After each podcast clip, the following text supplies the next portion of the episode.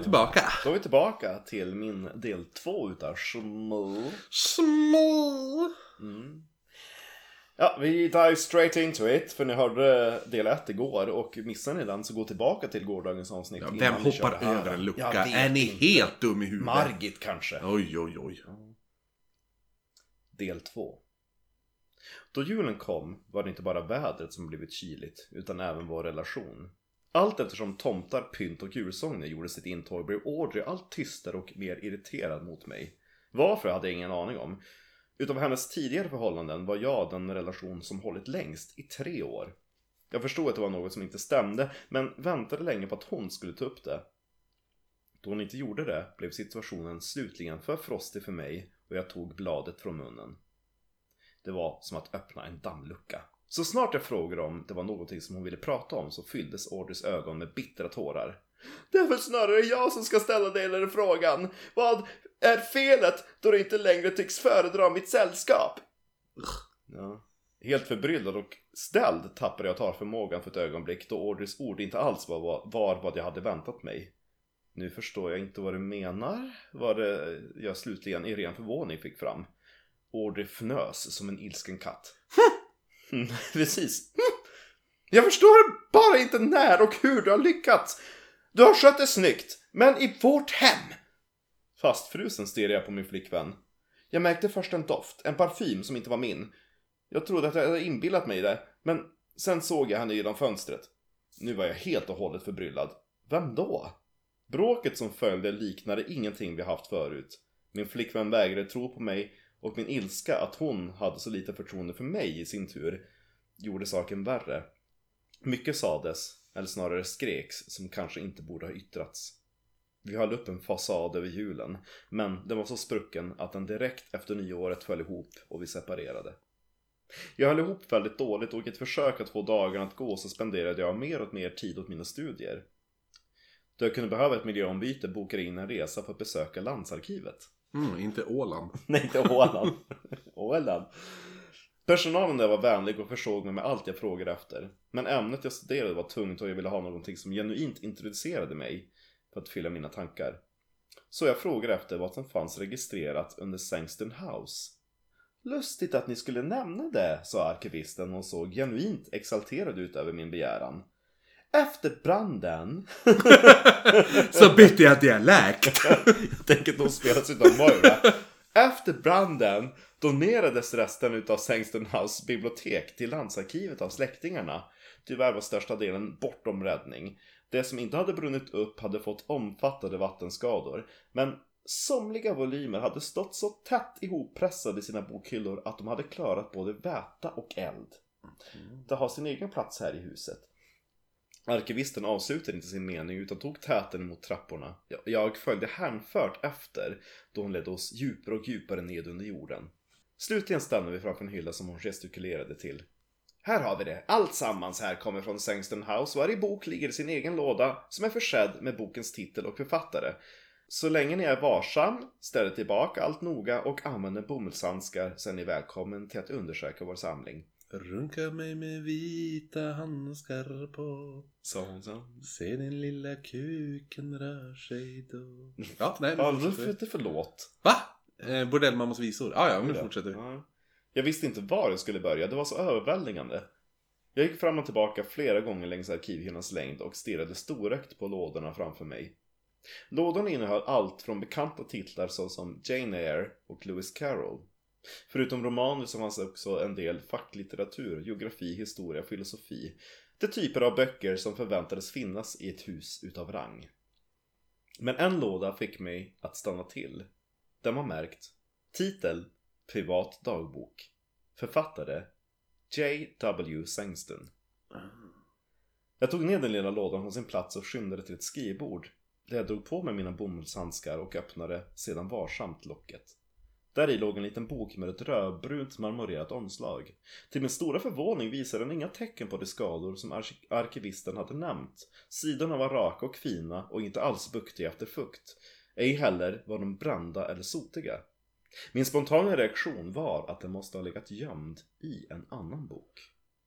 Jag tog upp boken och placerade försiktigt den under skrivbordslampan. Mina öron fylldes av min bultande puls. Vem vet när den här senast öppnades? Skulle sidorna vittra sönder och falla ut? Vad fanns där att läsa? Till min lättnad så förde ingenting sönder då jag öppnade texten. På det annars tomma försättsbladet stod en signatur i blått bläck skriven med en reservoarpenna. Det här är ju din porrnovell till Kungliga biblioteket. Eller hur? Man ska ju skriva one, skriv om det man känner till. Åh, oh, de var inlogg i en annan bok. No. William Sangston, 1907. Det här var husets sista ägares dagbok. Han som hade omkommit i branden med sin fru och sin son. Jag slog hastigt upp den sista sidan för att se vilka tidsspann som täcktes. Det sista uppslaget var skrivet 1913. Första paragrafen däremot var skriven i oktober 1907 och löd Kära läsare. Följande dagbok är författad utav mig, Jack Sangston, på lediga stunder. Vad händer dess innehåll någon gång kommer någon annan till intresse. Här ska jag skriva så ärligt jag kan, på gott och ont, om min tid som ägare till Sangston House, trots att jag i denna stund ej ännu övertagit driften av godset. Punkt, punkt, punkt. Till min lycka hade Jack formulerat innehållet så att det skulle vara till förståelse för utomstående.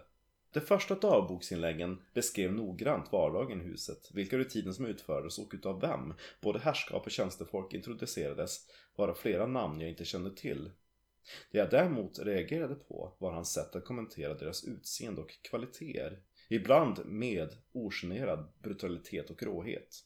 Jag fick påminna om att han vid den här tiden bara hade varit 20 år gammal. Tiden som utspelade sig framför mina ögon var en intressant brytpunkt för det här var just vid skiftet då Jack bodde i Sangston House men flyttade ut då han i panik hade gift sig 1909 med sin fästmö Violet som var gravid.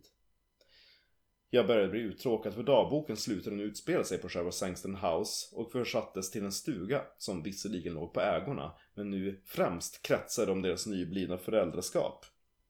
Men det var då ett namn jag kände till som dök upp i bläcket framför mina ögon. Brenda Ford. Mm. Ah, hon, hon Ja. från första Smi. SMI. Ja, okej. Första stycket som nämnde henne löd Violet har överösts av välönskningar efter födseln av lille, av lille Ronald. Besökare har kommit och gått och hela huset har under de senaste veckorna känts som Victoria Station. Idag kom... Victoria's Secret. Victoria's Secret. Idag kom däremot paret Ford på besök över lunch. Det är Violets gudföräldrar och är goda vänner med hennes sida utav familjen. Med sig hade de sin dotter Brenda, som jag inte träffat innan. En mycket vacker flicka, 16 år gammal, med en förtrollande blick, om en blyg. Mm. Då jag väl kände till hur denna arma flicka slutade sitt liv, alltså nu är det han som är på arkivet som pratar. Mm. Då jag väl kände till hur denna arma flickas, eh, hur denna arma flicka slutade sitt liv, slutade jag läsa slaviskt sida för sida, utan började nu ögna och skumma igenom sidorna i, på jakt efter det nästa ställe hon skulle namnas. Det dröjde inte allt för länge. Nästa citat. Jag fann mig allt mer fascinerad utav Paret Fords dotter Brenda. Till min glädje har mitt förslag att bjuda in Fords till att fira jul tillsammans med oss gått ned väl hos Violet. Min förhoppning är att jag vid denna festlighet ska få möjlighet att på tu man hand bekanta mig med Brenda. Den 26 december 1909. Gårdagens stora julfirande i huset med mina föräldrar var en triumf på många sätt. Vi var ett stort sällskap och efter middagen innan lekarna skulle till att börja, där dök ett tillfälle upp då jag plötsligt befann mig ensam med unga Miss Ford. Och det tillfället lät mig inte glida genom fingrarna. Jag hoppas innerligt att ingen märkte våran frånvaro. Oj, oj, oj. Vad Mm. gled i hand mellan hans Jag började ana den historia som utspelade sig mellan raderna.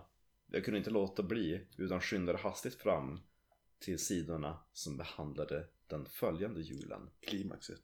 Ja, snart. 25 december 1910. Jag smiter undan för att i all hast skriva några rader inför julen. Åter har Fords blivit inbjudna. Jag hoppas att det kan bli en tradition. Alla tre kommer, än verkade som om ingen börjar uppvakta än verkade som om ingen börjat uppvakta den unga blomma som är Brenda Ford. Den 26 december 1910.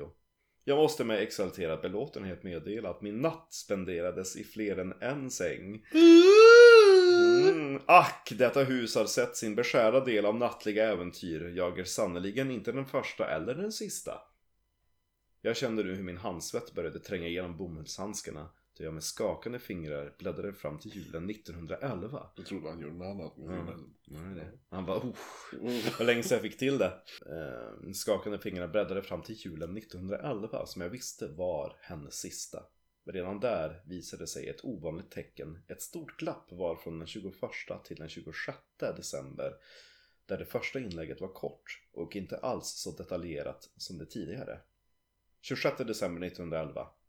Min beskrivning kommer att bli kortfattad då denna jul inte är någon jag önskar minnas. De som var med vet vad som hände. Miss Ford dog. Jag har inte förmått mig att se henne i lilla salongen då hon ligger på lite parad. Det från bårhuset är här när som helst ska tydligen låta obducera henne. Men till vilken nytta? Hennes död är uppenbarligen en olyckshändelse. Mm. Jag kunde inte fortsätta läsa, för inom mig ville jag skrika högt. Det är en lögn. Och så måste det vara. För det stämde inte. Det som stod i tidningarna och vad som var allmänt känt var att Brenda Ford hade dött under en kurragömma-lek. Det stod att hon inte kände till huset väl, men hon hade spenderat julen där flera gånger. Mm. Jag flög upp från stolen och rusade alla trappor upp till receptionen där jag med anden i halsen fann arkivisten som med uppspärrande ögon såg på mig där jag stod och flämtade efter andan. Jag behöver få fram en obduktionsrapport från 1911. Sen kastade jag den vita handsken i ansiktet på henne. Precis. Slut på del två. Var det slutet? Ja. Oh, vad spännande. Cliffhanger. Ja, Verkligen. Ja, det är bra. Det är bra som fan. ja kul. Nu avslutar vi med en skål, för nu måste vi avsluta fort, för jag vill höra del tre. Ja, skål. Skål! Go- nej, god jul Marcus! God jul. Marcus.